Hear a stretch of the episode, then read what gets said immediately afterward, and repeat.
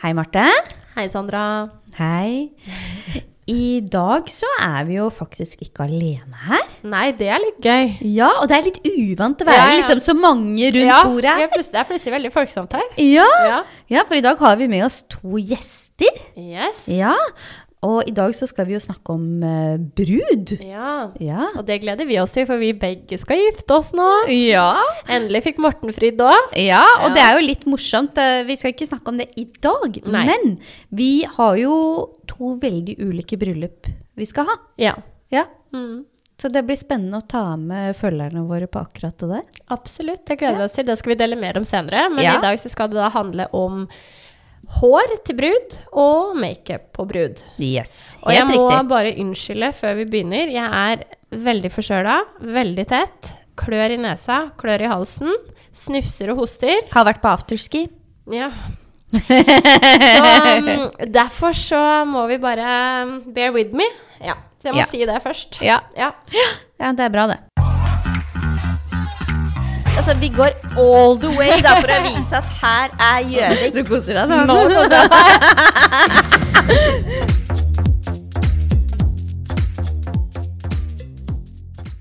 Men i dag, Sandra, så har vi med oss eh, to gjester i studio. Det stemmer. Mm. Vi har med oss eh, For i dag, hvis vi tar det først, da, så skal vi snakke litt om bruder. Og makeup og hår, da, er vel det Ja, det er vel eh, hva, hva trenger du når du gifter deg? Du trenger hår, og du trenger makeup. Trenger Ja. mye annet òg, da. Ja. Men uh, det viktigste Yes. for min del er uh, hår og sminke. Ja, Så du driter i hvordan kjole du har på deg? Ja, det veit du jo. Ja, det veit jeg egentlig. Ja. Ja, ja. Nei men da, det kan vi prate om senere. eh, det kan være det samme. Uh, I dag så har vi med oss Karoline Taraldrud og Victoria Madeleine Markovic. Velkommen. Takk. Hallo. Takk. Det er spennende. yes, dere to driver jo med Du, Victoria, driver med makeup, og Karoline, du er jo frisør. Og har gjort en del eh, brud. Ja. Ja. Så vi tenker at uh, i dag så er vi litt nysgjerrige på å vite litt Uh, vi, vi vil lære, og jeg tror lytterne våre vil vite, i hvert fall de som skal gifte seg, tenker jeg at uh, trenger litt tips og råd fra dere i dag. Og da tenkte vi da må vi hente inn forsterkninger her. Der er ikke vi gode, Sandra. Nei, altså Jeg har vel Har jeg stylet brudd før? Jo da, jo. Jeg har, jeg har stylet brudd en eller to ganger. Ja. Da var jeg lærling. Ja. Ja. Funka ok. Jeg har gjort to brudder i mitt liv, og jeg la ballen dø. Kort fortalt. Yes. Nei, men Karoline, eh, kan ikke du starte med å fortelle litt om deg sjøl? Ja. Hei. Karoline det er jeg. Ja. Nei da, eh, jeg jobber som frisør hos uh, Henriks Hair på Gjøvik, hos deg. Ja, hos meg. Ja.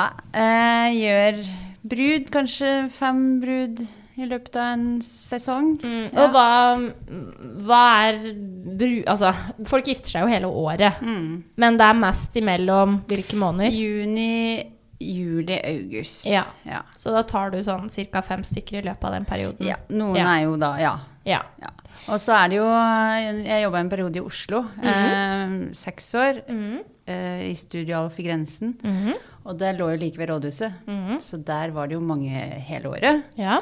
Eh, ofte på torsdag, fredag, mm. mandag. Mm. Ja, Så da hadde du bruder i, ukedagene og ikke Ja. bare på helg? Nei, Ja. så det var egentlig veldig fint. Anbefales. Nei, ja. Anbefaler du Mye lettere å få seg en time.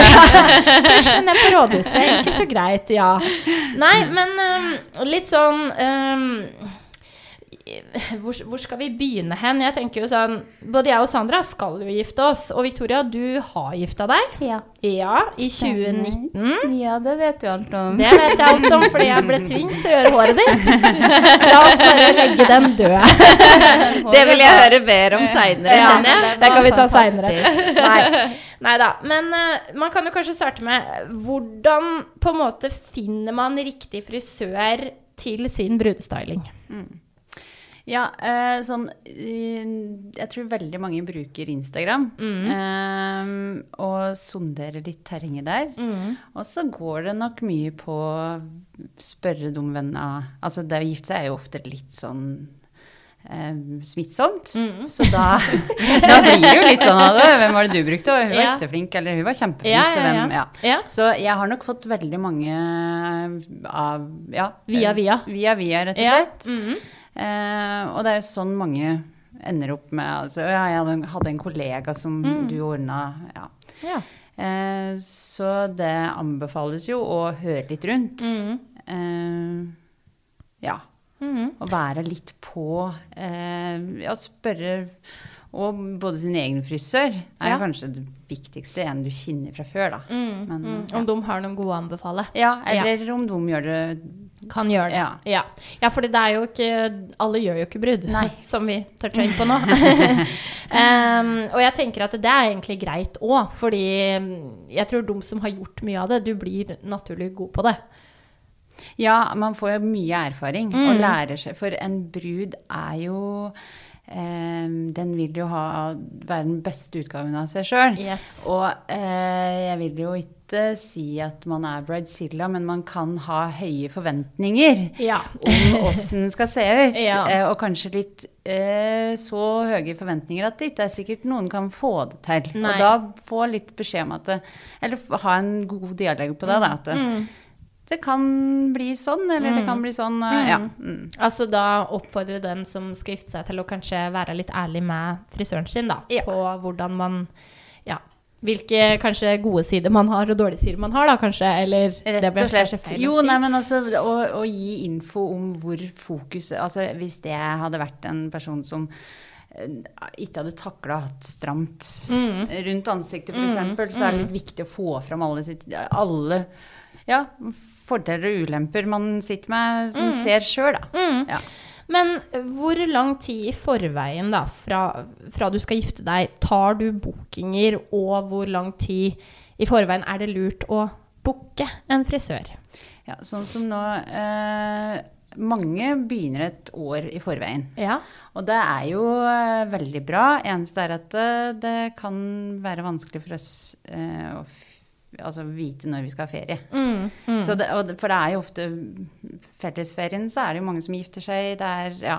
Mm. så, men, men gi en beskjed Eller spørre frisøren og makeupartisten kanskje et halvår før, eller et Ja. år før, og Ja. så kan man holde dialogen, så Ja. veit frisøren om det, og, og kan gi tilbakemelding da, så fort den veit når den skal ha ferie, f.eks. Så Ja. vær ute i god tid, for Ja. det er ofte mange om beinet sånn Mm. Så, men du tar da, for, for nå kan jo du bare snakke for deg, Mm. eh, du tar da i utgangspunktet ikke bookinger før et halvt år i forkant av den datoen som bruden har satt av. Er det det jeg Ja, forstår jeg, riktig jeg, jeg bekrefter ikke Ja, før eh, et halvt år før. Men jeg, men jeg gir dem alltid Ja, jeg legger det inn.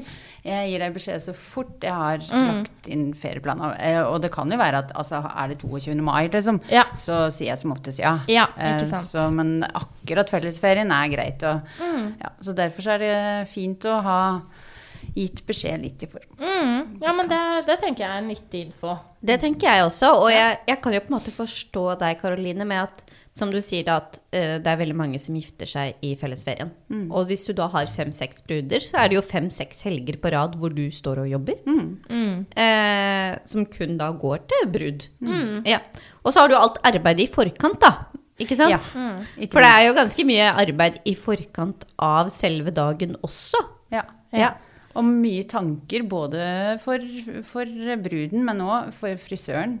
Ja. Eh, det å ha en prøvetime og kunne eh, kunne eh, Jeg som frisør liker å øve på den frisyren vi har vært enige om da et par dager før. Ja, men det er jo Ja. veldig bra, Ja. da. Ja, Bare det for å være helt sikker på at det, dette går fort, eller fortest mulig. Mm. Det er sånn vi ble enige om dette. Se, vær så her er bildet av dokka. Det Mm. var sånn du ville. ikke sant? Sånn at eh, bruden er helt sikker på at eh, den får det Akkurat tilsvarende som den hadde tenkt. da. Ja.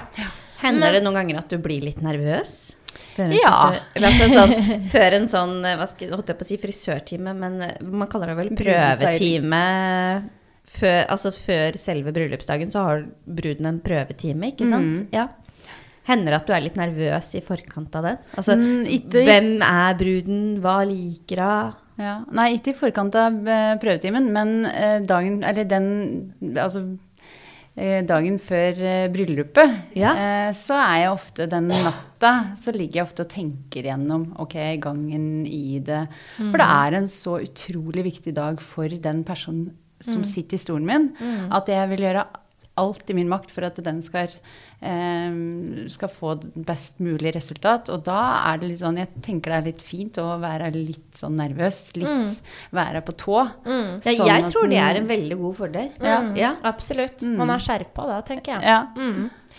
Men eh, sånn hvordan, eh, hvordan på en måte danner du en relasjon til bruden og vice versa? da? Hvordan på en måte eh, Bruden skal jo få en relasjon til deg. Hva Åssen gjør man det? Ja, jeg anbefaler ofte at eh, den bruden booker seg inn enten en klippetime eller en, ja, stripetime. Altså noe må man jo eh, gjøre med håret et år før uansett. Eh, og da har vi litt muligheter til å prate litt ekstra sammen it- og slippe å bruke ekstra penger på en, um, en prøvetime. Vi har jo alltid en prøvetime som vi går gjennom frisyren, men hvis vi på en måte skaper en relasjon Blitt litt kjent? ja, på Ja. forhånd. Eh, og kunne ja, prate litt om hva den liker da. Eh, ja. Det er egentlig mm, det beste tipset jeg har til den relasjonsbygginga. For det, det krever jo litt mer enn en time Ja. ofte. ja. Jeg tenker at det er fint for både frisørene og for kundene ja, å bli litt kjent med, med hverandre, da. Da er det jo lettere både på en prøvetime og på bryllupsdagen, Helt tenker jeg. klart. -hmm. ja. Og det å skape da eh, tillit. Ja, ikke sant. Det er jo Ja, for det, jeg tror kanskje sånn Jeg tror jeg, den dagen jeg skal gifte meg, kommer til å være et mareritt. Det tror jeg jo. Ja. Jeg gruer Eller ikke. Det kan hende du ender opp med å bli bare sånn eh, i scen. Ja, det tror jeg. Ja. Mm. Dere er alle som sitter rundt det bordet, kjenner meg veldig godt. Så mm, dere har litt forskjellige meninger. Jeg tror vi bare starter tidlig med alkoholen den dagen. Ja, ja, god idé, god idé. Ja. Jeg tenker at vi starter tidlig med alkohol, men har dere sett den derre Det gikk en sånn uh, reality-serie, sånn derre My Gypsy Wedding eller noe sånt? Ja, My Big Fat Gypsy Wedding. Ja, ja, ja, ja, ja, ja, ja. Oh my god. Eh, Det var noe for deg. det var noe for meg, men der ser jeg for meg at du er litt den der, der litt den der bruden vi ikke klarer å få ut døra fordi at det liksom håret er for stort Ja, ja, og kjolen er for stor og Jeg gruer, meg allerede. Nei da, men Victoria, du var stein rolig på din bryllupsdag. Syns du det? Ja, det syns jeg. Jeg har en video av deg hvor du står og twerker og danser i, i Jo, men altså I da eh, brudemorgenkåpa di, og det var liksom Det var god stemning. Vi hadde liksom Det var veldig avslappa, da, så du virka i hvert fall veldig rolig. Ok, men det er jo bra at jeg klarte å kamuflere det så sinnssykt. For Ja. inni så var det et kaos Ja. uten like. Men har du lyst til å dele den lille greia som skjedde, bare for å ta en, dra en parallell her, da? Har du lyst til å dele den eh, episoden rett før vi skulle gå opp Hva skal man kalle det? Alteret? Nå gifta Victoria seg i Italia. På et kjempefint slott i Roma. Og vielsen var litt utpå formiddagen, og så Det skulle vi var jo ganske seint. Det Ja. var jo på ettermiddagen, sånn fem. Rundt Mm. klokka fem Mm. ish. Så står alle vi brudepikene Ja. og du og faren din og venter på å gå ut, og så Ja, vil du dele?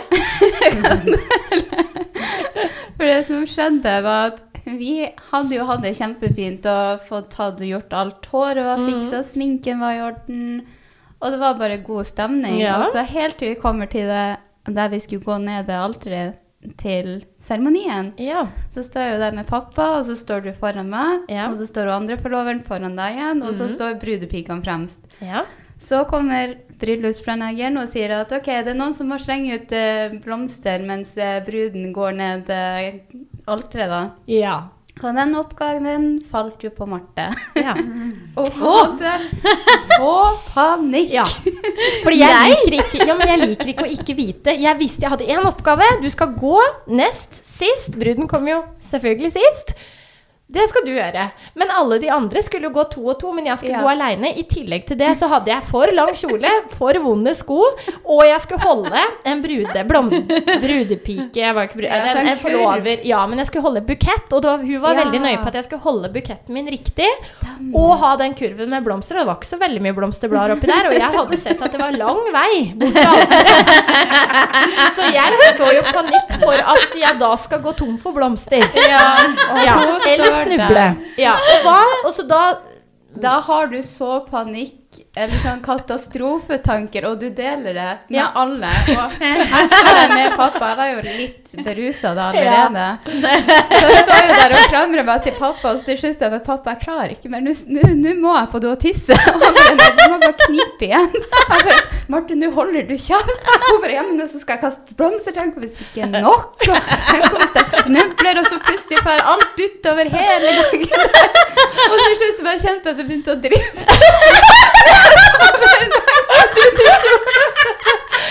Og så ser jeg på pappa med skam. Og samtidig så latterkrampe. Jeg bare, Pappa, tissa på meg.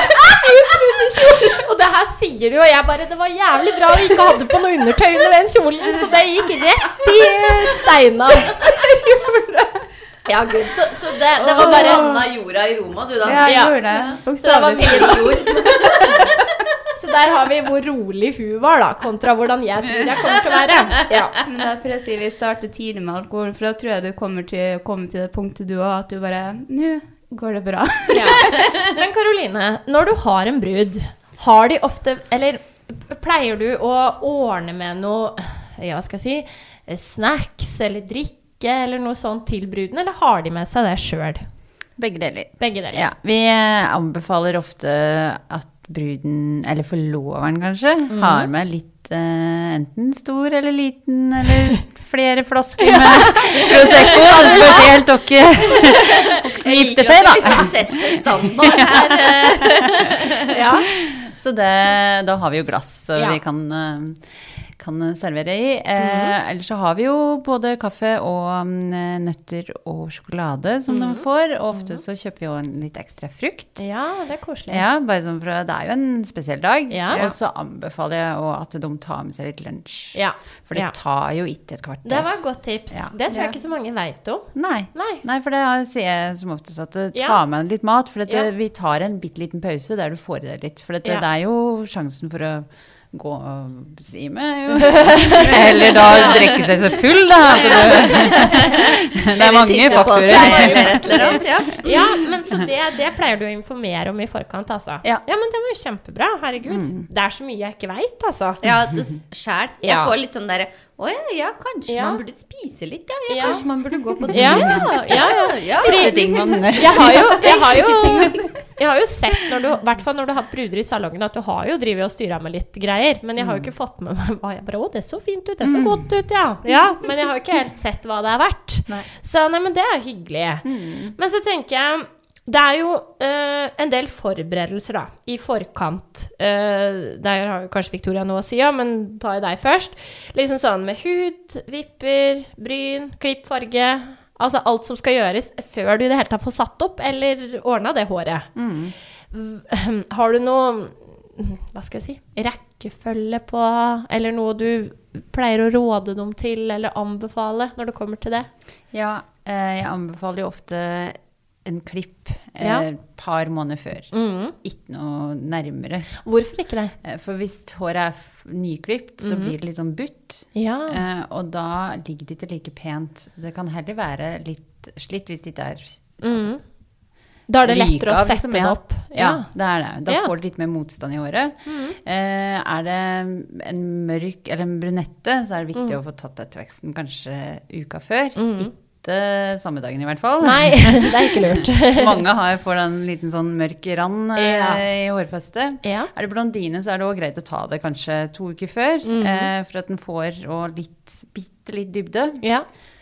Og så eh, pleier jeg å anbefale mine bruder til å gå til Mari eh, Skjelstad, som -hmm. jobber i salongen vår. eh, som eh, hun jobber med vipper og bryns, Eller vippeextension og brynslaminering og spraytan. Mhm. Eh, og hun anbefaler at man tar vipper og bryn en, en måned før, og så Ja. fylle på at. Ja. Bare for å være helt sikker på at man tåler det, at man er Ja. fornøyd. At de, ja. Ja, men det er jo smart. For hvis man ikke har gjort det før, så kan man jo ja, Ja. det kan bli en eh, allergi, eller man ikke liker det. Ja. Det er jo et eh, Ja. ja. Det er greit å finne ut av, ja. Og på hud så tenker jeg at de, altså da anbefaler de å gå til en hudpleier en par måneder før. Mm. Sånn at da kan hudpleieren ta noen avgjørelser eller Mm. noen råd eh, rundt det. Mm. Ja, men det Jeg vet du hva du anbefaler, Victoria? Egentlig angående- det samme. Ja. Sånn i forhold til å, hvis man er glad i å pynte seg eller vil føle seg litt ekstra fresh til Mm. den dagen, så er det jo lurt å gjøre de her tingene i forkant, sånn at du Ja. også vet hva du får da til den dagen du skal stå som brud. Mm. Så ja, absolutt. Og så i forhold til hudpleie og sånt òg, så er det jo kjempelurt å gå til noen som er utdanna innenfor det, sånn at du også vet hva huden din trenger, og Mm. at du ikke får noe allergisk reaksjon. det Ja. er det jo ingen som vil. Nei, det er jo krise. Ja. ja. Yes. Og så mm, når du liksom Ja, tiden på bryllupsdagen, da, eh, hos frisøren og med makeupartisten. Hva er gangen i det, og hva skjer når, og hvor lang tid tar det, og Mm. Ja. Eh, Jeg pleier å eh, sette av faktisk nest, ja, fem timer. Noen På bryllupsdagen? Ja, noen Mhm. setter av tre. Noen Ja. av, altså man, det spørs litt og på hår og på Ja. hva man ønsker og sånne ting. Mhm. Men da er det Da pleier vi å ta og at de har med seg kjolen og bytterom i salongen. Vi har jo et, eh, et rom ja, ja. som vi kan, eh, der de kan bytte om. Så Ja. det er liksom da, da kan man dra rett fra salongen i kirka. Ja. Så da begynner vi ofte med mm, å preppe håret. Mm. Få litt volum i det. Mm. Altså rulle det opp, men ikke den gode gammeldagse rulle Nei. Vi bruker, eller det er jeg veldig inn igjen nå, da, så det kunne jo Men nå bruker vi eh, krølltang, eller og ja, får opp litt eh, krøll og volum. Mm. Og så er det ofte eh, makeup Mhm. mens dette virker. Mhm. Og så setter vi opp håret. Ja. Eh, Kan jeg få stille et spørsmål da? For Ja. det tror jeg det er mange som lurer på. Eh, vasker kunden håret dagen før, eller vasker du når de kommer? Eller hvordan gjør man det? Jeg pleier å ta, si til kunden at uh, de bør vaske det dagen før hvis de har veldig tjukt hår. Ja. For det, vi trenger ikke å bruke en time på å føne Nei. og tørke det. Nei. Jeg har de veldig tynt hår, og vi skal preppe det med føner. og- Ja. Og de ønsker veldig å ha den avslappende mm, vasken da. Ja. Mm. Den dagen, så, så selvfølgelig skal jeg vaske det. Men, men ofte så ber dem komme med tørt Mm. hår eh, som enten er vaska den dagen eller dagen før. Ja. Og så ja, da etter som du sa, mm, etter du har rulla eller mm, krølla opp og festa, og hva skjer videre etter det? Ja, nei, da, ja, og så er det makeupen, og så eh, Det varierer. Noen ganger så er jo makeupen til slutt òg, eh, Ja. for den skal jo holde. Ja, det skal jo sitte Ja. fint under, Ja. eller ja, på ansiktet. Ja. Under ja, det var veldig Det er der Nei da. Og så er det oppsetting eh, av håret. eh, og så har de på kjolen. Mm. Og så Eller imellom der så tar vi en liten pause Ja. med mat og ekstra alkohol. Ja. Nei, ja. Smart. smart. Neida. Og så eh, Helt til slutt så setter vi på mm, slør Ja. etter at de har hatt på kjolen. Ja. Så Ja. jeg pleier å regne i hvert fall en halvtime på å ha på kjolen. Eh, Noen blir overraska. Noen Ja. er bare sånn ja, men det er bare å ta til en glidelås. Mens Ja. noen har knapper som du Ja. Mm. må bruke pinsett for å knappe igjen. Da tar det fort en halvtime Så å du, få den på. du hjelper til med det, altså? Ja, Ja. Jeg, jeg drar på sånne strømpebånd og Å, har på sko. er og jeg har vært oppunder mange kjoler. Ja, du har vært og sett mye. ja, men det er jo veldig fint, da. For det er jo ikke alle Altså, jeg tenker Da har du jo fått på en del kjoler, så da kan du det jo, holdt jeg på å si. Ja. Mm. For det er jo ikke nærmest sagt at en forlover vet hvordan du får på denne kjolen. Ofte så er det jo første gangen, eller noen ganger er det første gangen i hvert fall, Mm. Ja. som man er forlover. Og Ja. det å få på seg sko med en kjole som Ja. står fem meter utafor. Altså, det er ikke mulig. Nei, man er må jo ha hjelp på do. Man Ja. må jo ha hjelp til det meste. Ja. Så da er det greit å ja, Ja. hjelpe. Det er jo, man er jo prinsesse for en dag. Man skal Ja. føle at vi virkelig blir pampered og føle Mm. at jeg dronning i dag, liksom. Ja. Mm. Ja. ja. Men da lurer jeg på, i- tar du liksom og viser f.eks. For forlover, da, Ja. hvordan du setter på sløret? ja. Ja. Ja, jeg tenker sånn når de skal ha det av. Ja. Mange vil jo gjerne ta av sløret etter vielsen, f.eks. Ja. til festen, eller på et punkt i festen hvor de på en måte har lyst til å gå litt mer over i partystemning, så tar man jo gjerne av sløret. Ja. Helt klart. Ja. Ja, og da er det viktig å ha vist eh, forloveren det, ja. Ja. For Ja. Plutselig så er jo hele Hele frisyren håret. Ja. det river ut sånn. Der, ja. Du har løst hår, du nå, ja. Men er det noe sånn Det har jeg tenkt litt på, da. Eller sånn eh, Som forlover, sender man med den noe ekstra eh, bobbypins, hårspray? Gir man noen instrukser på hva gjør du hvis noe detter ut, eller Ja, jeg sender ofte med noe, noe spenner. Ja. Eh, og så gir jeg jo info om at det kan være en fordel å ha Altså, man har jo ofte med en stor bag Ja. ja. som forloveren passer på, eh, Ja. med hårspray og litt sånn ekstra. Ja. Jeg vet du, Victoria, også sender vel med Ja. Ja. Jeg sender også med sånn eget uh, kit, da, som man kan bruke for å ja. på sminka. Mm. Ja. ja. Så det er jo veldig gunstig, for Ja. at uh, altså Det tar jo ekstra tid for oss hvis vi skulle vært med i løpet av Ja. hele dagen.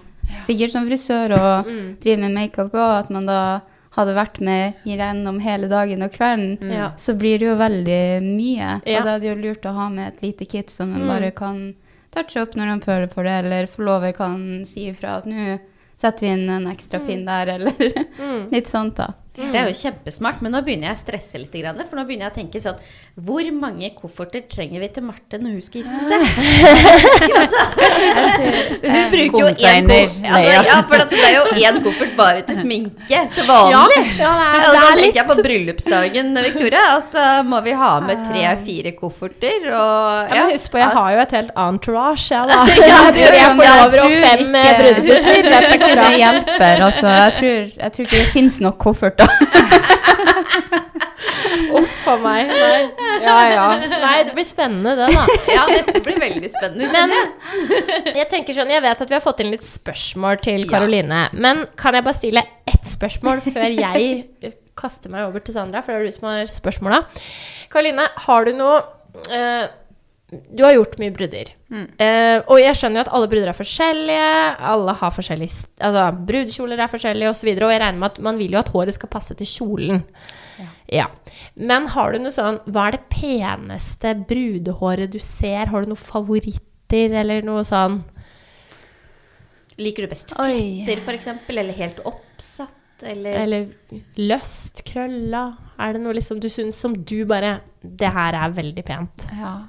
Jeg syns jo at eh, det er veldig pent med klassisk. Ja. Hva er klassisk? En, på en måte en slik bønn. Ja. Eh, men så syns jeg det er kjempefint med romantisk Ja. stor Altså litt sånn ja, bølger Ja. eh, nei, åh, nei, dette var et så vanskelig spørsmål. Ja, ja, nei, men Eh, For det- jeg syns og Jeg syns at det er veldig fint hvis det passer personligheten. Ja. Jeg syns det, ja, det, ja, Ja. det er Ja. egentlig svaret mitt på den. Jo, jo. det, var, det var et veldig var fint bra svar, syns ja, jeg. Ja, Ja. absolutt. Men du Karoline, du er verken forlova eller gift, du. Nei. Nei. Har du noe ønske om å gifte deg? Det hadde jo vært koselig å vært gift. Ja. Eh, når jeg var yngre, så Nå er jeg steingammal. Nei. Nei. da. Nei, men da jeg var yngre, så da var jeg sånn Å, jeg hadde lyst til å gifte meg med klippe i Frankrike med duer, og nå er Ja, ja. sånn derre Det hadde vært kanskje ja, hyggelig hvis jeg hadde ordna meg litt ekstra den dagen. Men eh, ja, nei, jeg vet det er litt uh, annet fokus på det nå. Ja. Etter å ha hatt mye brud òg, da. Ja. Så har jeg jo sett at det er så mange måter å gjøre det på. Ja. Det er, Det er det. så Og alle serier jeg hadde i Oslo med, som var eh, gikk på rådhuset Og Det var så utrolig mange fine måter å gjøre det på. Ja. Og de var ofte også veldig rolige og bare sånn Ja, nå skal jeg bare leve resten av livet med han. Ja. Så det er så, det er så godsint, da. Ja. Ja. Men eh, så Så du kunne tenkt deg å gifte deg, men du ville kanskje ikke hatt noe sånn stort Nei, ikke nå, tror jeg. Nei, men det nei. hadde jo vært gøy med en skikkelig fest òg. Ja, men det kan, man jo, det kan man jo ha uansett, tenker jeg da. Ja. Nei da, men da må vi få Morten til å få ut fingeren, Ja. skjønner jeg. Få høre på podkasten. Hint, hint. Ikke noe press. Nei. Nei. Bare fire damer som sitter her. eh, men Karoline, vi har fått inn noen spørsmål eh, på Instagram. Og så var det noen av disse spørsmålene var ganske like, så jeg har egentlig bare satt dem litt sammen til deg. Ja. Ja. Eh, det ene har du jo kanskje svart litt på, eh, hvor det første spørsmålet var eh, hvor lang tid i forkant bør man booke frisørtimen, og når har man prøvetimen? Eh, den har du svart litt på, men hvor lang tid i forkant har man kanskje prøvetimen, da? ja. I forhold til selve dagen? Og den pleier jeg å si ca. en måned før. Cirka en Ja, måned så det er mye som skal skje en måned før bryllupet. Ja. Veldig mye. Ja, det er det. ja. eh, og da, hvis man da har tatt den klippen, f.eks., da, Ja. eh, tre måneder før, Ja. så har vi jo da fått prata masse om åssen håret skal være. Ja, Eh, og hva, hva, åssen brudekjolen er. Altså Ja, Man kan jo ja. vise disse bildene og ha masse Ja. klart av det. Ja. Og da korter vi ned ganske mye på prøvetimen og Ja. sparer penger. Smart. ja, det var smart. For da kutter du på kostnaden der også. Ja. Det er tips. øh, Ja. Noter dere det, damer. Ja, det, det var veldig lurt, fordi da kommer neste spørsmål. Og det kommer kanskje litt i det samme også. Eh, For da er det ei som lurer på at hun har jo en fast frisør. Eh, Men den frisøren gjør ikke brud. Eh, Og da lurer jeg liksom, hvordan er det da? Er det da på en måte greit da at du går til din faste frisør og gjør liksom striper og farger og klipper, men at du bruker en annen frisør selve dagen til å style håret? ja.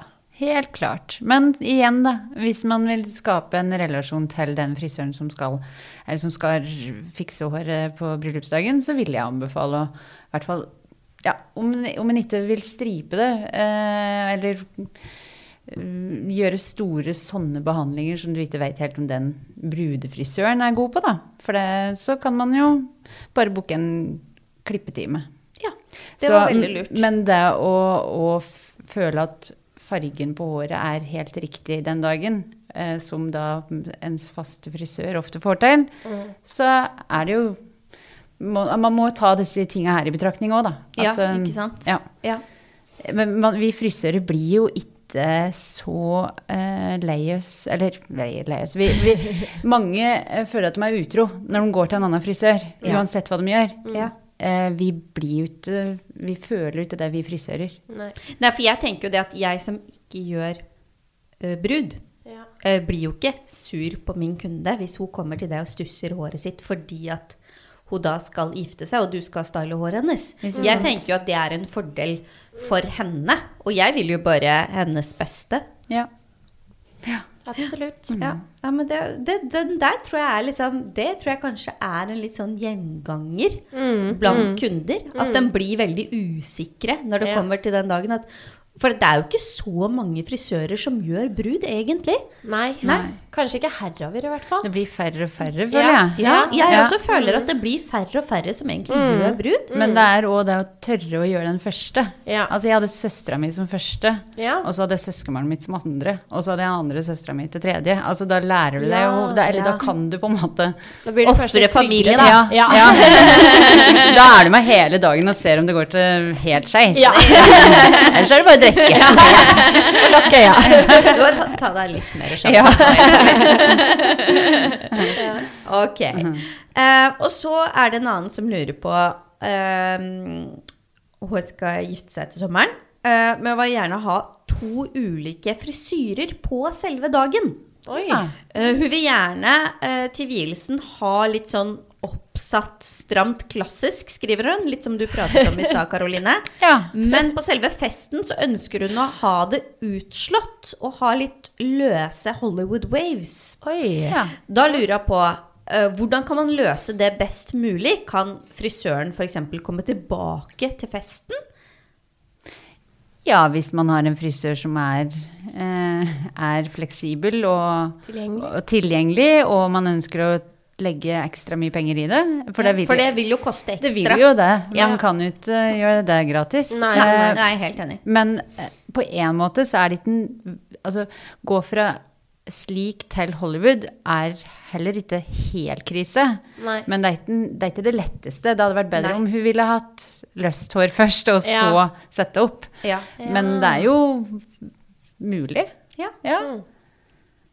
Ja, men det er interessant. Ja. For, og det også kommer litt frem når man da har prøvetime. ikke sant? Så kan Ja. man prate om akkurat de tingene der. Så får man løst opp i det. Ja. Ja. På en prøvetime òg så gjør man jo ikke hele Altså, det skal ikke se ut som på bryllupsdagen. Nei, ikke For sant? da vil bruden alltid bli litt skuffa. Hvis Ja. det ikke blir helt 100 sånn. Ja. Ja, er det derfor man gjør det litt sånn annerledes? Halvveis. Ja, litt skjønner. sånn Oi, eh, har hun her gjort det før? Tenker kanskje noen. Skal jeg gå sånn? Ja da. Ja. ja. Yes. Ja, men det var interessant. Eh, og så er det noen som lurer på om man kan ta med fotografen til frisøren på selve dagen. Ja, veldig mange gjør det. Mange Ja. har eh, at eh, fotografen kommer etter et, ja, et siste timen. Og kommer og tar litt bilder da, og, og det blir veldig fine bilder ofte. Ja. For det, det er en helt spesiell stemning i salongen Ja. når vi har brud. Det blir en sånn litt spent, litt eh, rolig, litt Ja. eh, ja, og Det det er veldig koselig. Veldig koselig, og Ja. det, det syns jeg ofte synes på bilder. Ja. Faktisk. ja. Så koselig. Mm. Um, og så er det et spørsmål om eh, hvordan du anbefaler at man har håret på bryllupsdagen. Ja. Jeg anbefaler at den har det man har det sånn som man føler seg mest komfortabelt med. Ja. Altså går du med det mye utslått, ha det utslått med krøller eller et eller annet. Ja. Går du med det alltid i strikk, ha det oppsatt. Ja. Men ja, ikke bare gå på det som «Oi, Oi, dette så fint ut. Ja. Eh, og så er det kanskje ikke noe man egentlig trives med sjøl. Så, og noe som harmonerer med kjolen kanskje òg, da. Ja. Ja. Det er nok lurt. Ja. Em, så er det ei som lurer på om du bruker løshår eller extensions når du har brud, og kjøper man det utenom eventuelt? Uh, ja, jeg bruker det noen ganger. Uh, da ofte i en bønn uh, bruker jeg det. At jeg syr på en strimmel på en bønn, eller setter oh, ja. litt innimellom. Ja. Det var smart. Ja, da får du jo ganske mye ekstra å jobbe med. Vi har jo i Henriks Hair, så har vi jo extensions. eh, Teip. Teip. mm. eh, så man kan jo lage en strimmel av den. Ja. Eh, man kan, og det er jo disse De Å, oh, herregud. Uh, Helloa? Ja. Eller hestehalla, tenker Ja, du på? kan de brukes? Ja, De men har- du kan uh, de hestehallene vi selger, da fra Ja, Victoria har på seg den i dag. Ja. Den Fra jeg. Iconic. Ja, Den- du den bruker er mye. Ja. Altså, det er jo du Oi. Oi, oi! Ja, er kan den Vi har prøvd å sette det opp her. Nei, men det er jo Det, det hestehallene er jo syntethår. Men uh, vi kan jo bestille fra Nå husker jeg jo ikke merka Jo, Showpony har jo de haloene som man kan gjøre om til klipsremse. Ja. Henge den over med en sånn tråd, Ja. eller uh, sette den som en ponytail. ja. Ja. Det er jo ekte hår. Ja, for har, det var en periode, det er jo mange år siden nå da, eh, som vi, der jeg jobbet da, hadde vi noen sånne som du satte på klips, Altså mm. de bare, de delte jeg i fire Ja. eh, for å få, og så satte jeg dem der det passet meg da. Mm, så da betalte kunden for, eller kjøpte den selv, Ja. eh, og mange av dem bruker dem fortsatt. ja. Så det er jo en mulighet det, og da har Investering. det. Ja, det er en Det er en investering. det Ja, det er lurt. Ja, så gøy. Og så er det en annen som lurer på uh, Hun har da kort hår. Hva kan man gjøre med det? Eh, ja, definisjonen av kort hår er jo Bred. bred, ja. Ut ifra bildet så syns jeg, hvis det er Jeg regner med at det er hun som skriver selv, eh, så, så er det litt sånn, hva skal jeg si Litt en sånn bob som går til um, eh, kravebenet. ja, men da kan den gjøre masse. Ja? Ja, ja, ja. Eh, du, du kan jo få det til å se ut som et eh, oppsett eh, med det, eh, hvis man bruker nok produkter og, og krøller det. Nøkkelen her er produktene. Ja, ja, og krøller det og, og legger det til, på en måte, så kan det se ut som at det er en oppsetning. Ja. Man kan jo sette på litt, men når det er en bob, så vil jeg kanskje ikke anbefale det. Jeg vet ikke, er ikke som driver med extension, Ja. Da må det ganske mye hår til, og det må liksom effileres og tynnes og jobbes veldig med, da. Og Ja. du vil jo da kanskje, jeg ser for meg hvis du skal sette opp det, så vil Ja. du jo møte på de korte hvor hennes hår møter extensionene, at du kanskje ikke Jeg vet ikke om du tvinner eller fletter. Altså, det vil stå ut tuster, Ja, det er det jeg jeg tenker også. Det vil stå ut Ja. tuster hvis du setter på extensions. Ja. Men, men da, det spørsmålet er interessant, for da hadde jeg tenkt sånn Oi, det her var krevende når det er så kort. Eller syns du ikke det? Jeg har ikke hatt veldig mange Nei. som har hatt det. Men uh, uh, det er mer krevende hvis det er for langt. Ok. Ja. For tjukt og for langt. Ja, da har du så mye hår at du vet ikke hva du skal gjøre med det. Nei ja, så, ja, så man bør det, det er faktisk Hva er på en måte det mest ideelle håret, da? Eh, det spørs ut ifra åssen frisyre man vil ha. Ja. Eh, men eh, Mellomlengde, liksom? Mellomlengde. Ja, Ja. Ikke for tjukt. Nei. Nor normal mengde hår.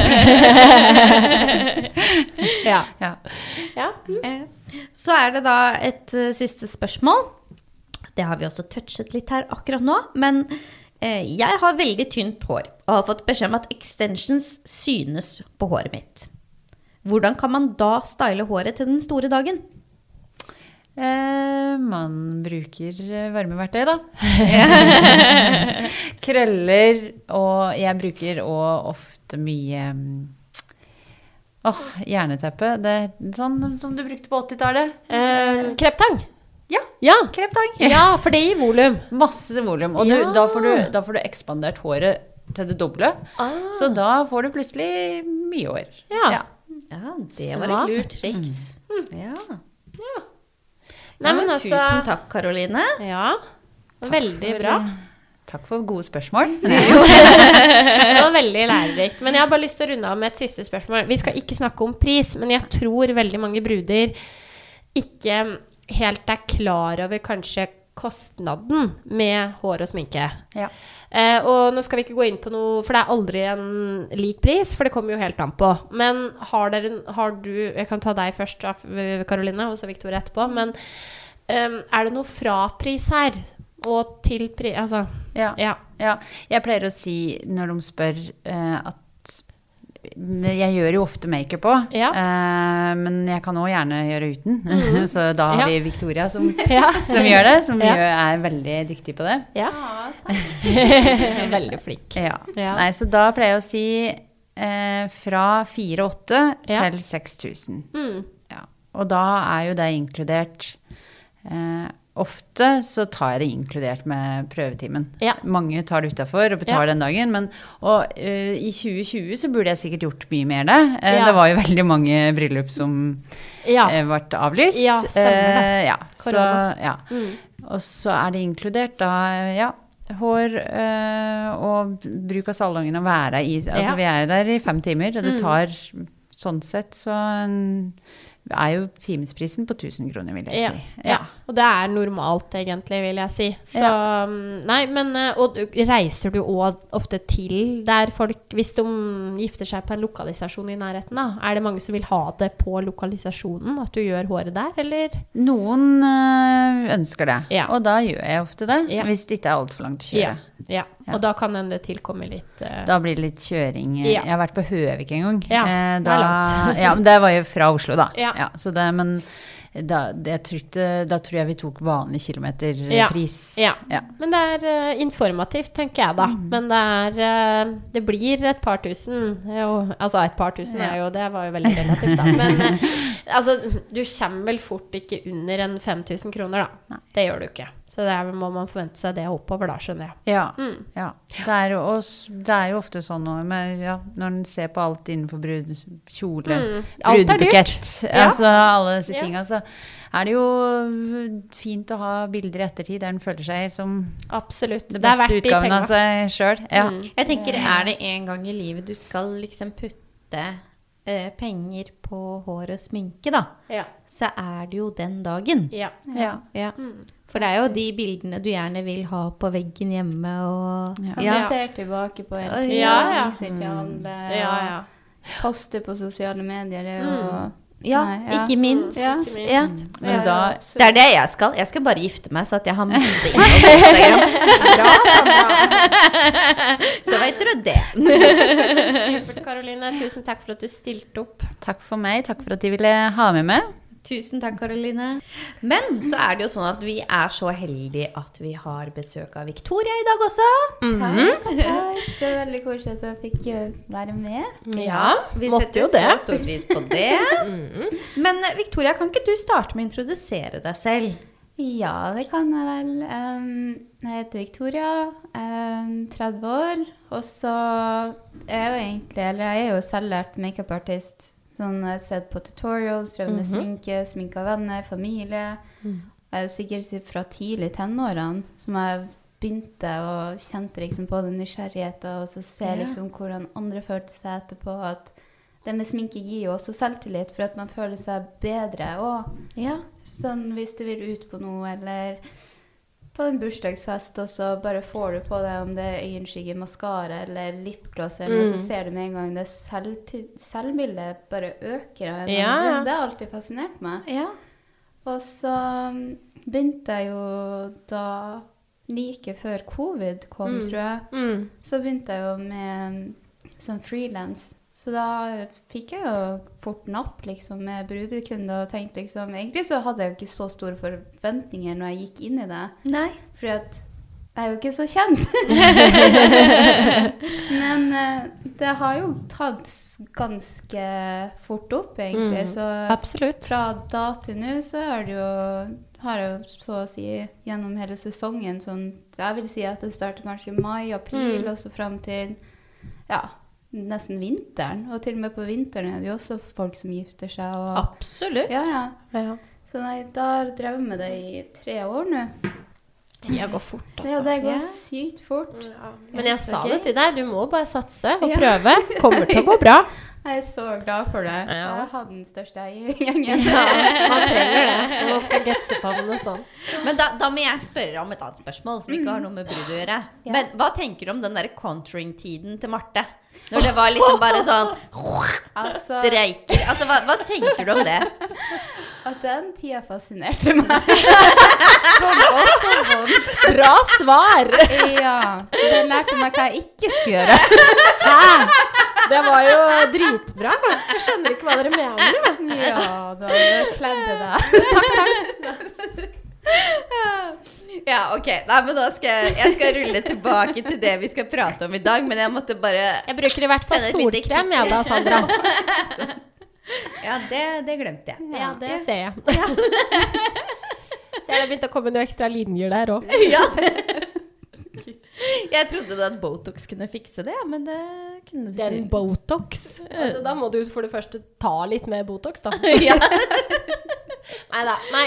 Cut to the chase. ja da. Nei, vi skal komme oss tilbake her. Ok. Eh, brud. Mm. Hva bør man tenke på med brudemakeup, egentlig, Victoria?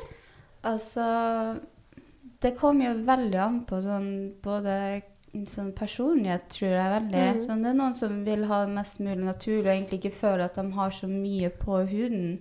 Men så er det jo det med sminke at det vil jo uansett Selv om det ser naturlig ut, så er det jo sikkert masse lag med forskjellige sminker, forskjellige øyenskygger som overlapper hverandre for å få den naturlige looken. Og ja, og så har du dem som kanskje liker veldig sånn glamour eller sånn type Det er en annen ting som også inspirerer meg innen sminke, sånn typisk indisk sminke. Jeg syns Ah. det er så fint. Ja, det er For helt sånn enig. skikkelig dramatisk. Ja. Men jeg syns det er så nydelig. Men det er, altså når man sier dramatisk, jeg tenker dramatisk på en pen Ja, måte. på en Kan man si det? Fin måte, mm. sånn, ja. Du ser, Jeg er helt skjønner enig. Det passer bare inn til den kulturen og Ja. åh, Nei, jeg elsker å se indiske bruder. Men jeg har du aldri gjort smink... det. Nei, Nei. du har ikke sminka noen indiske bruder. Jeg vet ikke om jeg tør. Jo. Det, altså, ja, det, hadde vært, det hadde vært en drøm. Ja. Du kan gjøre det på Marte når hun gifter seg. Det er helt den looken jeg går for. Men Oi, jo da. ja, for at det er litt sånn interessant, for jeg tenker Jeg ehm, er liksom ikke så veldig glad i sånn veldig tjukke foundationer og sånne ting. Jeg var på God morgen Norge en gang, eh, og da ble jeg jo så klart sminket før jeg skulle på skjermen. Ja. Eh, og liksom ble sminket kjempefint, det var ikke Ja. det. Men jeg hadde så mye på huden min. Ja. Og jeg tror egentlig ikke at jeg var så forberedt på akkurat det. Oh, okay. Så jeg følte liksom at når jeg smilte, så var jeg liksom Jeg var liksom sånn stiv i, i, ansiktet. For jeg følte det var så veldig mye sminke der. Ja, men det blir jo på en måte noe helt annet når du er på f.eks. sett eller sånn TV eller på en scene, sånn innlandet bryllupsmesse og sånne type ting, så må du jo ha ganske mye mer sminke, for det har jo veldig med hvordan lyset også Ja. treffer. Ja. For hvis du da ville hatt vanlig, naturlig sminke, da, f.eks. dem som liker bare sånn tinted um, moisturizer eller sånn serumlignende foundation, så vil jo ikke det se sånn nødvendigvis ut på TV. Så da vil de jo legge på ganske mye for at Ja. det skal synes også på TV, eller sånn at det skal se naturlig ut. Men Ja. kan det virke veldig mye på huden? Ja, for at det er liksom Det er jo ikke for alle. Nei, det er jo ikke for alle. Nei. Men hva tenker du er viktig å gjøre med huden i forkant? Og Altså- hvor lenge før? Jeg vil jo si sånn som Karoline toucha inn på, at du tar det sånn ca. en måned før. At du da også drar til en hudpleier og f.eks. finner ut hvordan hudtype du har, og hvordan produkter som er anbefalt at du burde bruke da, for at huden din skal ha det best mulig i uka forkant av bryllupsdagen. For man vil jo føle seg fresh, man vil jo føle seg bra og vel med seg sjøl.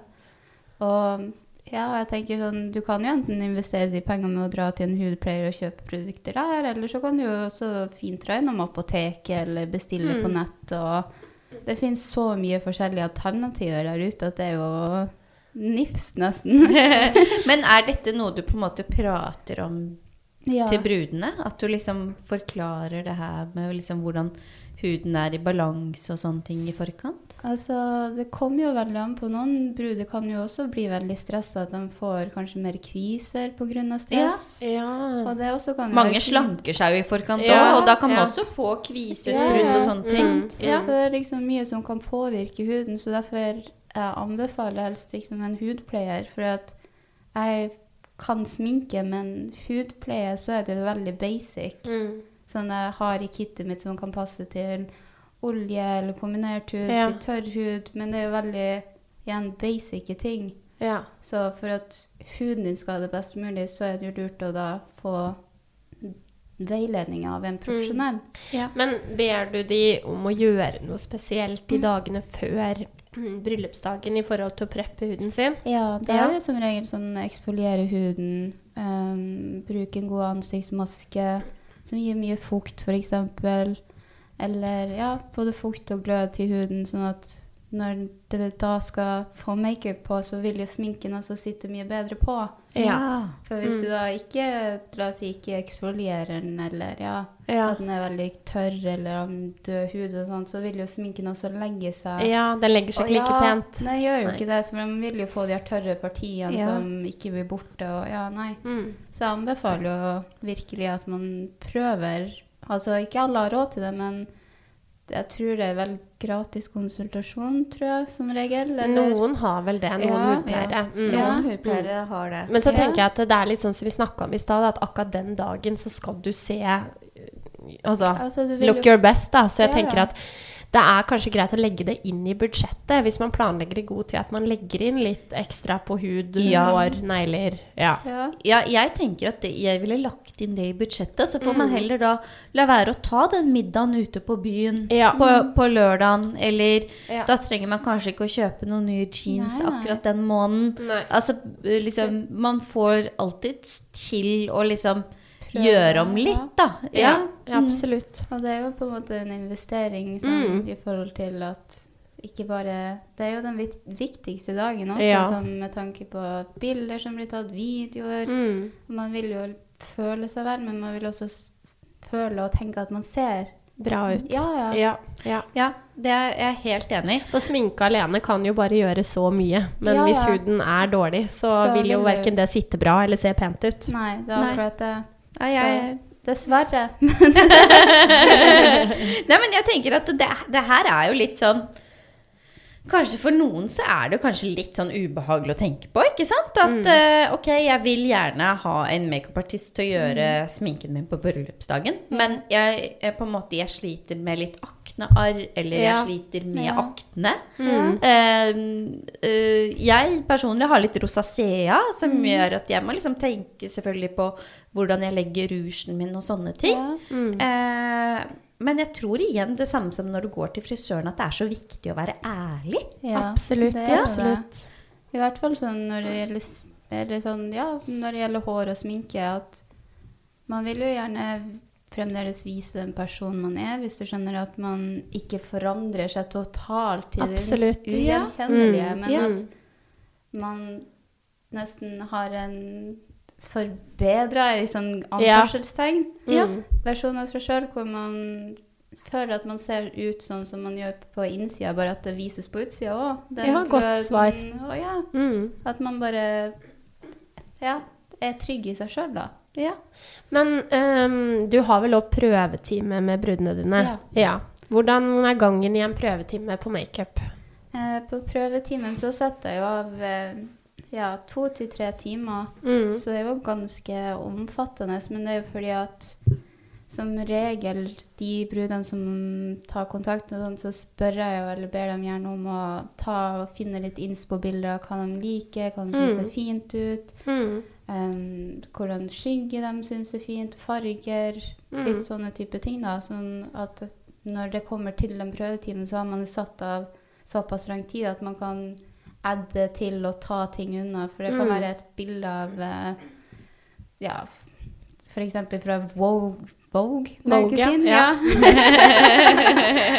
og det kan være kjempefint bilde, og så kan det være at på bildet så har hun knæsjrød leppestift. Ja. Så kan det være ok, jeg liker det, men ikke den røde leppestiften. Så kan man liksom plukke til og fra. ja. Og til slutt så ender man jo opp med et resultat hvor sannsynligvis bruden føler seg veldig komfortabel. At ok, nå har jeg oppnådd den looken jeg ønsker Mm. til den dagen. Mm. Så er det jo det at jeg må notere ned alt som er brukt på den dagen, farger, så at jeg også husker det sjøl. Ja. Og gjerne litt bilder også, sånn at jeg husker litt plassering og hvordan Mm. vi gjorde det. Og ja. Mm. Så det jo, tar jo tid, det gjør det. Men Det gjør det. på selve bryllupsdagen så er det jo korta veldig ned til en og en halv time, Ja. maks to, Ja. På bare bruda. Ja, på makeupen. Ja. Mm. Men uh, prøvetimen er jo som regel mye lengre for at jeg prøver å bli kjent med bruden, finne ut liksom litt hennes type stil, Mm. hva, ja, hva hun føler at hun kler, hva hun føler at hun ikke kler, eller hva hun Mm. liker og ikke liker. Og, Mm. ja. Mm. Så det er jo mye å gå igjennom. Absolutt. Og så tenker jeg at det er kanskje litt viktig å huske på det at ja, du gjør sminke, og på en måte ja, vi frisørene, vi gjør da Eller kanskje ikke jeg og Marte, da, men Karoline gjør håret. Men samtidig så må man jo huske på det at vi kan jo ikke trylle.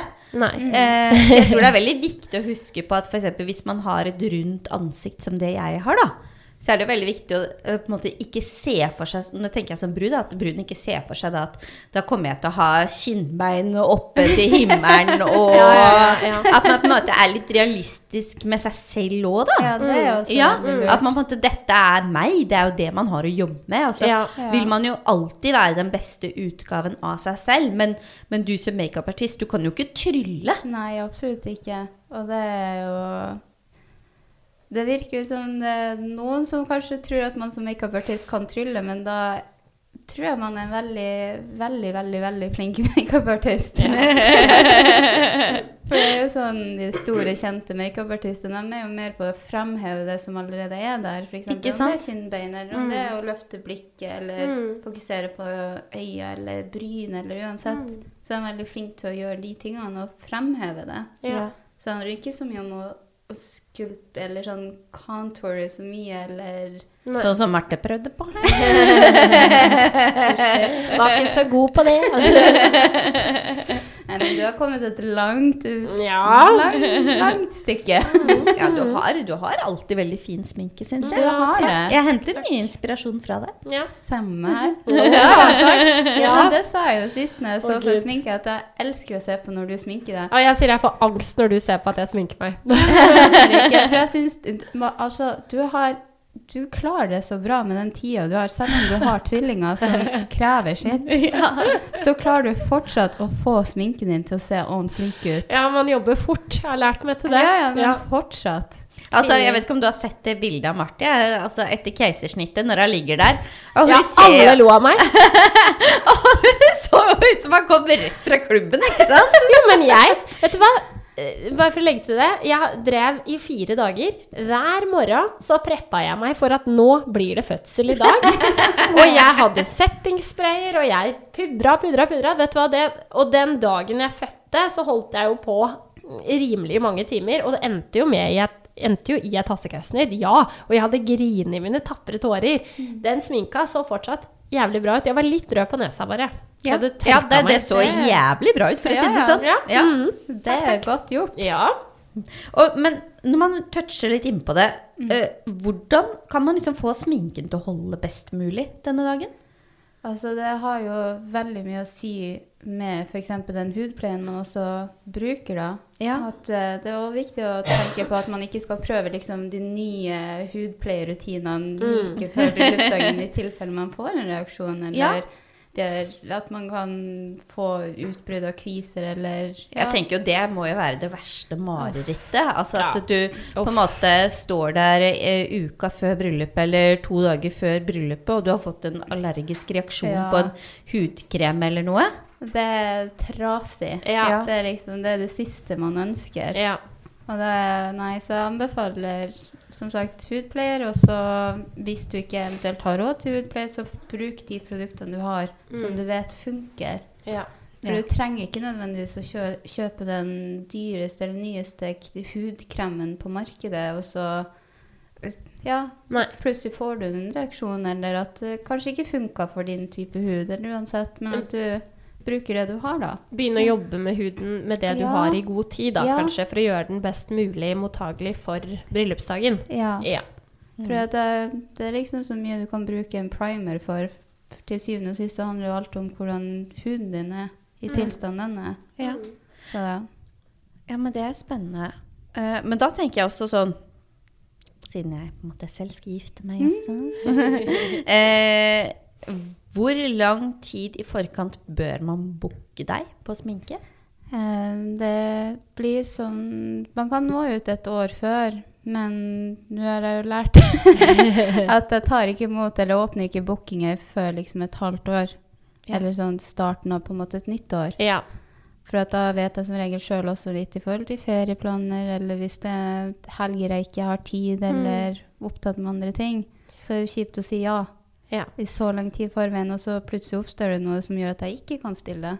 Så skal du gifte deg i 24, da, hvis vi tar det. Så Ja. ikke, da kan du sende en melding i januar 24, men Ja. ikke noe før det, kanskje, Nei, da. Nei. det er vel lurest. Ja, det var et godt tips. Mm. Mm. Men hva gjør man f.eks. når du har en prøvetime, da? Mm. Hva er det du på en måte gjør den dagen da? Sånn før kunden kommer, eller tenker hun mens kunden er Mens der? kunden er der. Når vi liksom snakker litt om det her med hudpleie og alt det her, altså Mm. har man liksom den Jeg tenker hvis jeg skal da booke deg til sminke, da. Ja. Eh, hvor fort prater vi sammen den første gangen, på en måte? Det, du vil jo ha samtalen gående hele tida under prøvetimen, bare sånn at du også får blitt kjent med den du jobber med òg. Ja, ikke sant? Finner ut liksom hva de ser for seg, hvilken type stil de er ute etter. Um, ja, prøver å berolige dem også med at ok, kanskje ikke ser så bra ut akkurat nå når vi driver med eyeliner og kanskje ikke fått på foundation og alt det der, men at alt vil jo komme sammen etter hvert når man blir ferdig, da. Mm. Og det handler jo bare om å kommunisere, Ja. Ikke sant? Og er du på en måte, syns du noen ganger det er litt sånn ubehagelig å prate med, med kunden om at liksom eh, Har du tenkt på hudpleierutinene dine? Har du tenkt på Nei. Nei? Som regel opplever jeg at de er jo mer nysgjerrige på hvordan kan jeg gjøre, hva kan jeg gjøre for at det skal sitte finest mulig, hva Ja. du anbefaler, og hvorfor anbefaler du det og det, og så kan jeg forklare liksom sånn, ok, jeg anbefaler det for at det vil gi et bedre resultat på grunn av for eksempel det og det. At eh, sånn i forkant av prøvetimen nå, når de kommer, så er det jo som regel at de viser bilder eller videoer av sminker de syns ser fint ut, og så da plukke ned og prøve å finne ut ok, hva er det med det du liker, hva er det som du føler at du kanskje ikke likte så godt, eller ja. Og så er det jo som regel det med at kom også uten sminke. Ikke nettopp opp med full sminke til en prøvetime. Det, Godt poeng. ja. Det er et godt poeng. Men da må jeg liksom spørre om en annen ting. Ja. eh, fordi du har giftet deg. ja. Når du på en måte ser tilbake på bryllupsdagen din nå, Mm. er det noe du ville endret på sminken? Er det noe du ville gjort annerledes når det kommer til makeupen den dagen? Jeg tror kanskje det, ja. Du Det tror det? så- Du ja. var jo kjempefin. Jeg vet Du det. sminka deg jo sjøl. Ja, jeg vet Oi, det. du gjorde jeg. det? Ja, ja, ja. Herregud. Jeg brukte jo lengst tid på å sminke Marte og andre forlovere. Ja, vi har Drit hvordan vi ser. Vi eh, fikser det. Ja, det husker jeg bare Ja. fiksa sminken. Så fikk vi det jo- sånn Victoria, du har ett kvarter på deg til vi må være ferdige. Ja. Vi prøvde å si det til henne, men uh, det Ja, jeg gikk sånn ikke inn. evig tidsoptimist. Ja. Ja, ja, ja. Det er ikke til å unngå. jeg husker det ene bildet så um, Jeg tror det var av at det sikkert var varmt, og at jeg hadde grått så mye. Så Mm. så jeg på ene sida eh, på hva kinnbeinet. Mm. Så så jeg plutselig at oi, der var det en veldig hard linje. Den, eh, den skulle jeg gjerne ha blenda ut litt til. Det var kanskje litt sånn patchy der. Jo, men altså, det så kjempebra ut. Herregud. Men det var jo, det er jo som vi toucha inn på, at det var veldig varmt den dagen, og eh, altså Alt starta jo seint, ikke Ja. sant, og litt sånne ting, så det ble jo klammere jo seinere det ble. Det gjør jo det. Ja. Så litt sånne ting som man Men det holdt kanskje seg jo veldig bra. Det gjorde det. Mm. Mm. Så ja, det er egentlig bare det jeg kunne tenkt meg å endre Ja, på. for jeg, jeg tenker at det kan jo være litt sånn eh, utfordringer med, med, med hår og sminke når man skal gifte seg i utlandet. Mm. Det var det. Jeg husker jo sånn, jeg er jo supertakknemlig for at Marte sa ja til å ordne håret mitt. Ellers så hadde ikke jeg visst hvordan jeg skulle gjort det. For at det har veldig mye å si. For at sånn som når jeg gifta meg, så var jeg jo veldig sånn på Instagram og så leita etter f.eks. andre makeupartister i nærområdet, så på pris og hvordan type stil de hadde, og litt sånne ting. Mm. Og så bunna det egentlig bare i grunn til at jeg likte ingen var sånn jeg, Det er fælt å si, men jeg likte ikke de stilene jeg fant. Jeg sånn, ok, men Da får jeg heller bare gjøre min egen sminke. Og det er sikkert mange bruder som føler på samme måte. At man man ja. ser Mm. på, Det er sikkert andre makeupartister eller andre som har gjort sminke òg, at oi, det der er ikke det jeg ser etter, eller det er ikke det jeg vil. At de heller føler seg mer komfortable med å gjøre det sjøl. Ja. Nei, men det, det tror jeg kanskje er uh, en greie, da. Så jeg tror at igjen, der kommer jo den prøvetimen inn, da. Ja. Hva pleier du kanskje å gjøre sjøl? Hva liker du, hva liker du ikke? Ja. Alle de tinga der, da. Så jeg tror det med hudpleie, prep og sånn, så der har jeg jo også et kit da, som jeg bruker som er veldig sånn generelt. Sånn til tørrhud, olje Mm. kombinert, som holder sminken fin der og da. Ja. Og kanskje et par timer senere, men det har jo så mye å si på din egen hudpleierrutine rundt det òg, for at Mm. den skal holde lengst mulig og sitte finest mulig. Og det er ikke alltid at en primer løser det. Nei, nei, absolutt ikke. Mm. Absolutt ikke. Men hva er det du pleier å Vi snakka jo om i stad, så du Ja. pleier, pleier å sende med et kit. Hva er det Ja. du legger ved i det kittet til bruden, da?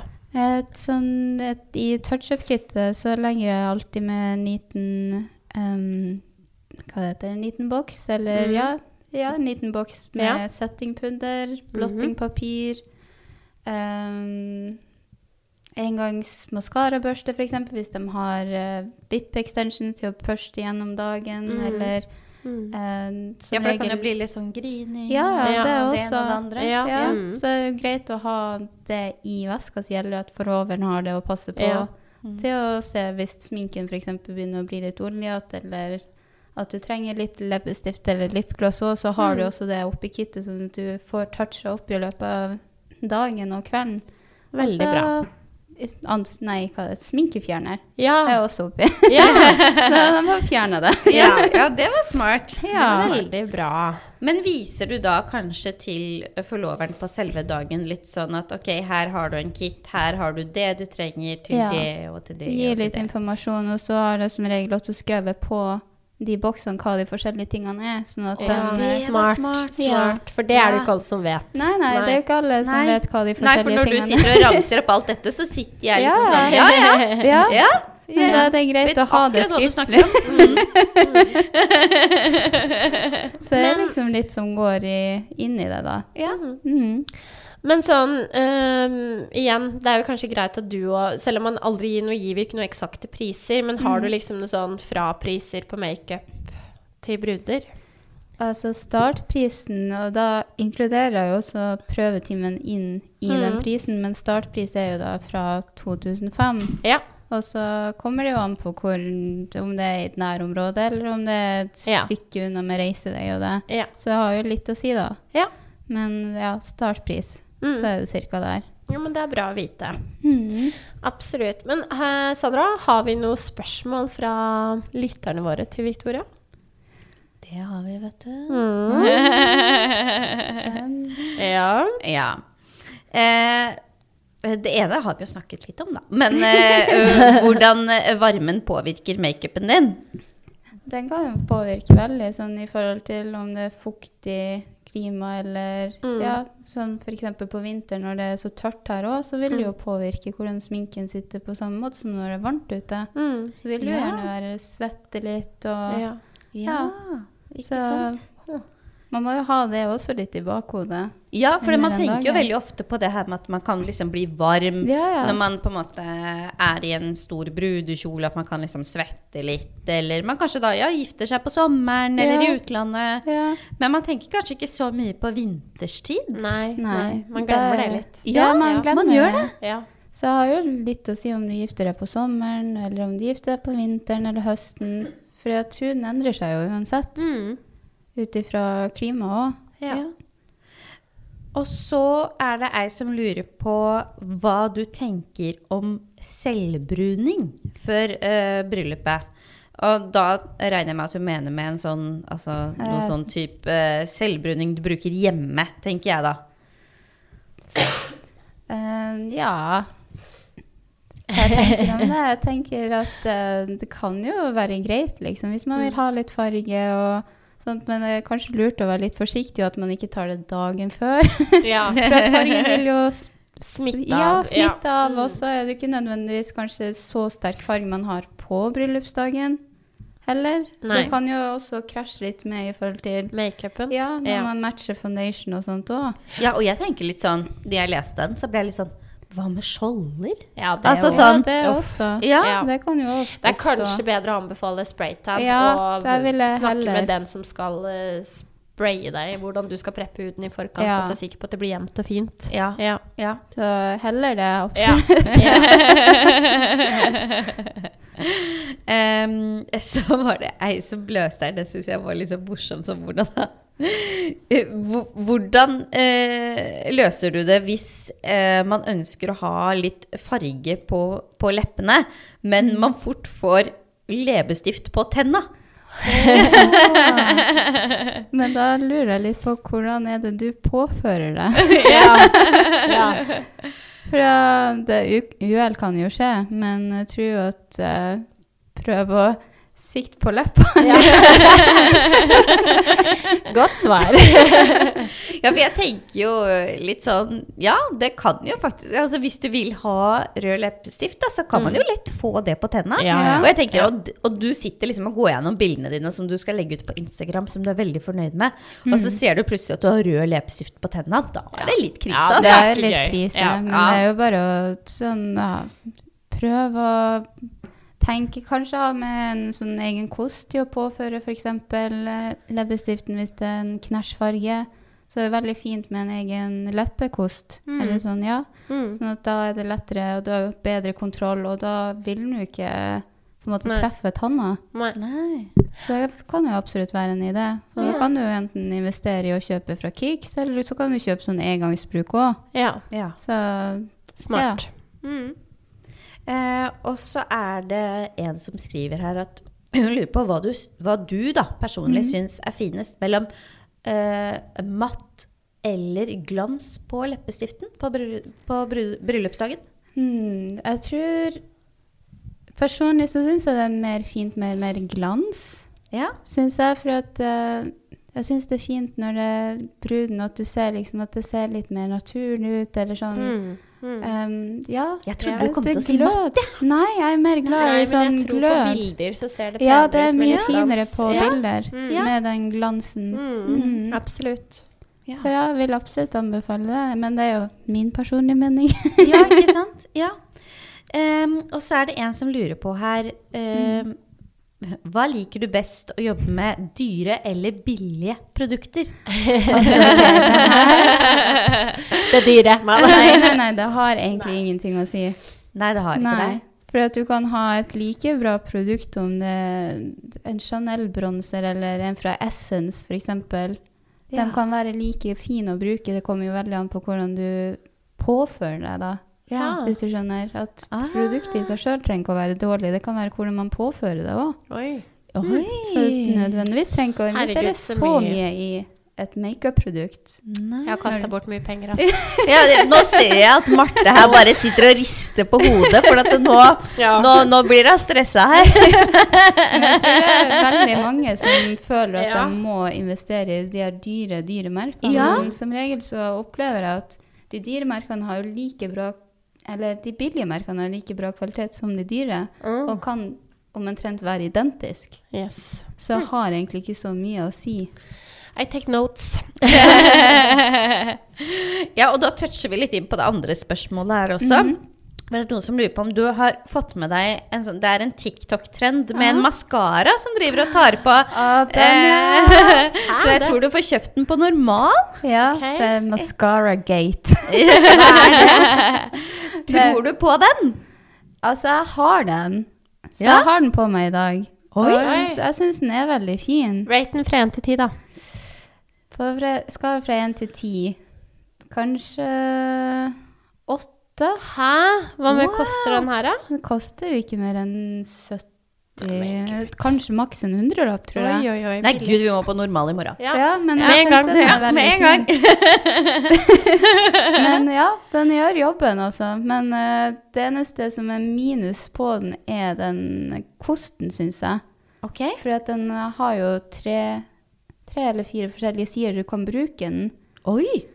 Eh, Og så er det en side som eh, deler opp vippene nytt, og så er det en som påfører litt mer volum, noe som gir litt mer lengde. Men de her taggene er jo så små at jeg stukker meg sjøl ganske mange ganger i øyet. Oi. Nei. Oi, Og det var ikke så godt. Oi. Så jeg var litt for ivrig med den kosten. Ja. ja. Men uh, overall, den var grei. ja. Ja, Ja. Bra. Interessant. Mhm. Er det flere spørsmål, eller Ja, det er et siste her. Ja. Det er ei som lurer på om du anbefaler eh, vippebøy eller vippe-extensions til selve dagen. Altså, det kommer jo som sagt helt an på bruden. Ja. For at eh, er du vant med å bruke vippe-extension, så er det kanskje lurest at du gjør det på bryllupsdagen hvis du vet at det er det som gjør at du føler deg på ditt beste. ja. Eller teste ut i forkant, Mm. sånn at du har tid på å bestemme deg hva du egentlig liker best. Det gir jo litt mer blikkfang, da. Ja, det Ja. gjør jo det. Mm. Sånn, Ja. Jeg syns jo vippebøy er kjempefint for et naturlig resultat, men så er det noen som kanskje liker med volum eller litt lengre, lengre vipper, fyldigere. Ja. Mm. Så det kommer jo veldig an på. Mm. Så ja. Bra. ja, det er interessant. Men da for å runde av, da, så tenker jeg sånn Nå har vi snakka veldig mye sånn brudesminke. Men jeg lurer litt på hva slags baseprodukter anbefaler du alle å ha i sitt sminke... Sitt sminkepung? Baseprodukter, OK. Um, solfaktor. Ja. Ja, jeg kan legge til at jeg var en tur opp på Vind i går og hadde ikke på meg solkrem. Er da solbrent i panna. Og på kinna. Og på kinna. Og nesa. Ja, Just say. Takk. Vær så god. Ja. Mm. Da lar vi Victoria prate. Ja. Ja. Vær så god, Victoria. Ja. Um, hva, tre baseprodukter. Mm. Uh, solfaktor. ehm, Eller ikke tre, det var liksom hva slags baseprodukter, da. Men si ja. ja, da sier jeg det samme solfaktoriet Ja. for femte gang. Ja. um, Jeg tar det til meg. ja, foundation kommer du langt med. Du trenger ikke nødvendigvis concealer, Nei. for du kan fint bruke det under øynene. Mm. Um, fint uh, pudder eller sånn bronser eller plush. blush, og det får du også kjøpt i om det er to eller sånn, hva det, samme Altså det er flere i ett kit, da. Ja, flere i ett mm. kit, sånn at du har sånn du kan bruke flere Ja, til flere ting. blande bare, de. Ja, Mm. Uh, og en god maskara. Ja. For eksempel det. Det er jo ganske greit, da. Ja, Ja. Jeg syns jo sjøl sånn mitt hverdagslige liv, så bruker jeg som regel bronse bare i øyelokkene, eller Ja, det samme blush, eller ja. For da får du et litt annet ja, utseende òg. Mm. Eh, og så er det sånn Hvor mange og hva slags sminkekoster trenger man? Uh, det er det spørsmålet til deg, Marte. Ja, jeg har jo en del. Jeg har gått på mange brølere. altså, som regel så kan man jo slippe unna med f.eks. Jeg tar utgangspunkt i at hvis du f.eks. bruker flytende foundation, da, Ja. at du har en beautyblender. Ja. Og da trenger du som regel kanskje bare tre-fire koster. ja. Og så Hva trenger slags du ikke koster? Som regel til bronser og blush. Ja. Um, uh, til øyenskygge. Ja. that's it. ja. Så du trenger jo ikke superstort kit, egentlig, sånn sett. Tre-fire koster og en beautyblender, da. Ja, ja, Mm. så det kommer du langt med. Veldig bra. Um, har du Eller det, det kan jeg spørre først om. Hvor ofte skal man vaske sminkekoster og svamper, og hvordan? Ok, sånn til hver dag. jeg tar hintet, Marte. Jeg kan komme i morgen og rense det. Ja, please du. Jeg har ikke tid. Du har tid til å sminke deg, men ikke til å vaske det. Oh, Nei, gud. nei. Hva Jeg var har det gitt, du jeg, sa? jeg har gitt Victoria noen tips, for at jeg sier hvis du vasker dem litt sjelden, så trenger du ikke å bruke så mye produkt, for da er det masse i kosten. Hun, tok, hun presterte å klemme på den ene concealer-kosten din. Ja. Og du, gud bedre meg, det var Gud fader, Bodil. Det, Bodil. det var mye produkt igjen i dag. Det var mye produkt i en kost. Det er drøyt. ja. Men sånn, Men Marte, hvor ofte kjøper du deg ny foundation? Nei, nå, etter at jeg ble mami Nei, Nei. til vanlig. Til vanlig, åh, litt for ofte, for jeg går alltid på noe sånn Å, den var bra, den må jeg teste, greier. Altså, Victoria vet hvor mye sminke Yes. jeg har. Og nå er jeg sånn, nå har jeg faktisk vært fornuftig, for at jeg skal ikke kjøpe, kjøpe, kjøpe. Så nå driver jeg og bruker opp faktisk ting jeg har. hun er kjempeflink. Ja, jeg har blitt veldig god, for jeg er bare sånn Fy søren, så mye penger det er som ligger i den sminke... Ja, ja. De sminkepungene. Så nå- Jeg liker at du sier de. Ja, det er faktisk de. Det er det. Det er helt sinnssyke Ja. mengder. Ja, Men eh, jeg syns du har vært flink. Mm. Men sånn til vanlig for eh, Som f.eks. hvis du skulle vaska dine, Ja. så holder det egentlig med lunka vann og Zalo. Okay. Mm. For at det fjerner jo det, oljen, ja, Ja. fett og Mm. bakterier. Mm. Um, og så rense eh, helst en gang i uka, men Oi. jeg vet jo de fleste ja, kan jo gå sikkert ja, flere år. Ja, det har jeg ikke gjort, altså. Jeg var bedre før. Jeg var bedre før. Men en gang i uka har jeg aldri gjort det, skal jeg være ærlig og si. Nei, men Nei. da kan det også være fint f.eks. Uh, hvis du sminker deg mye ofte, da, Mm. så, og du ikke har tid til å rense en gang i uka, så kan du også bare kjøpe sånn spray fra Ja, Kix. eller jeg har det òg. Ja, ja. Ja. Og da er Glemmer det å så fort, og så bare sprayer du på kosten, og så Tørker av. ja, tørker av. Så en good to go. Bra Ja, tips. det er smart. Bra Mhm. tips. Så oppsummering av sminkekoster. Nå ble det veldig mye annet fjas her, men det er vask de en gang i uka med lunken vann og Zalo. Ja. Eller sånn annenhver uke helst. Ja, Kanskje okay. en gang i uka er litt mye, For det er jo for å fjerne bakterier og ja. produktoppsamling. Ja. Ja. Mm. Så det kan være veldig lurt. ja. Og så ja. Bare kos den lengre. Mm. That's Sparetips. Ja, sparetips. Ja. Og så siste spørsmålet. Dine tre all time favorite products. Å gud, jeg har tenkt på det. Ja, er det vanskelig? Å, det er så sinnssykt vanskelig. Jeg tror ikke Å, fy fader. altså, jeg tenkte gjennom den skuffa mi, stakkars skuffa mi på badet. Det er så mye der, men jeg tror den nyeste besettelsen min Mm. må være en dagkrem med solfaktor 50. Mhm. Og så Fra hvilket merke? eh, Dermologica. Mm. Oh, elsker det Ja, merket. er, Og det er så sykt godt. Så den er jeg kjempefornøyd med. Og så er det en tinted foundation fra L'Oreal. Mm. Den som eh, gikk rundt på TikTok og sånt. Jeg lot meg bli pressa eller influensa til å kjøpe den. Men jeg elsker den. Hva heter den? Uh, L'Oreal Tinted Serum Foundation, Oi. tror jeg. Ok, ja. Oi. Mm. Så den er veldig god, for den er også sånn du kan bygge opp. Så det er den jeg har på meg i dag, f.eks. veldig fin. Ja, så den er sånn, enten kan du påføre den bare med hendene og bare gni den ut som dagkrem, eller så kan du også bygge den opp og på en måte ta flere lag. Ja. For å dekke over de ujevnhetene hvis du skulle ha det. Hå. Er den Så- fint for alle hudtyper? Jeg syns det er Ja. veldig sånn kombinert hud, og Ja, jeg jeg syns den er veldig, veldig fin. Ja, Sandra, du er mer tørr, er du ikke det? Ja, altså Sikkert fordi du ikke bruker solfaktor. det er som et sandpapir. Ja, men altså, hvem er det som bruker solfaktor i april, da? Ja, du bruker det hele året, vennen min. Det har jeg aldri gjort. Du vet at eh, til og med Jeg bruker solfaktor Du, i Syden. Skal jeg si deg noe? Du som sitter så mye foran um, PC, det er, det er stråling, altså. Til og med da har jeg på solfaktor, jeg. Hæ? Ja ja. Kødder du? Nei, nei. Jeg kødder ikke. Og UV-briller. Kødder ikke med huden. Nei. Nei. Nei. Bare sminkekost, da. Nei, men ja, siste produktet ditt. Uh, siste, det må faktisk være ja, en sånn eh, det, Sånn den vi snakka om i stad, sånn eh, kit, på en måte. Med Ja. flere forskjellige farger og blush og bronser. mm. For den bruker jeg hver dag. Ja. Så er det sånn mine tre go to. Er det et spesielt merke på den? Den er litt dyr. Ja. Det er fra en kjent makeupartist som gjør sminken til f.eks. Jennifer Lopez. Oh.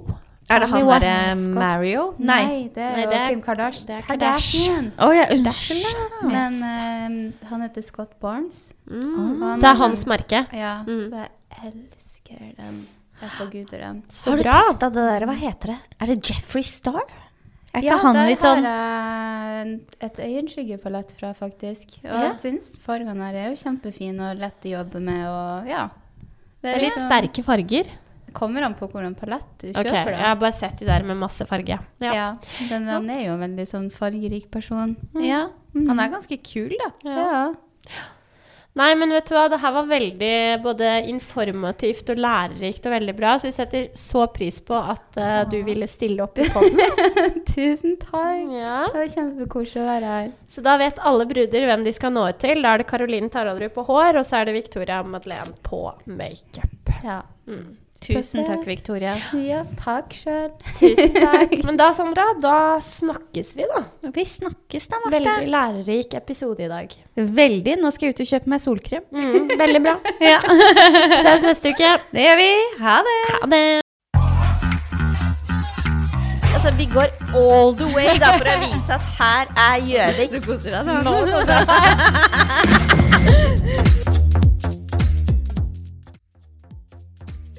Hejsan! Mitt namn är Sara och jag har ett väldigt spännande jobb som koncernledare i Hendrix her. Vi är en varm, nyskapande, dynamisk bedrift där just frisören står i fokus. Det betyder att frisören själv är med på att skapa sin egen vardag.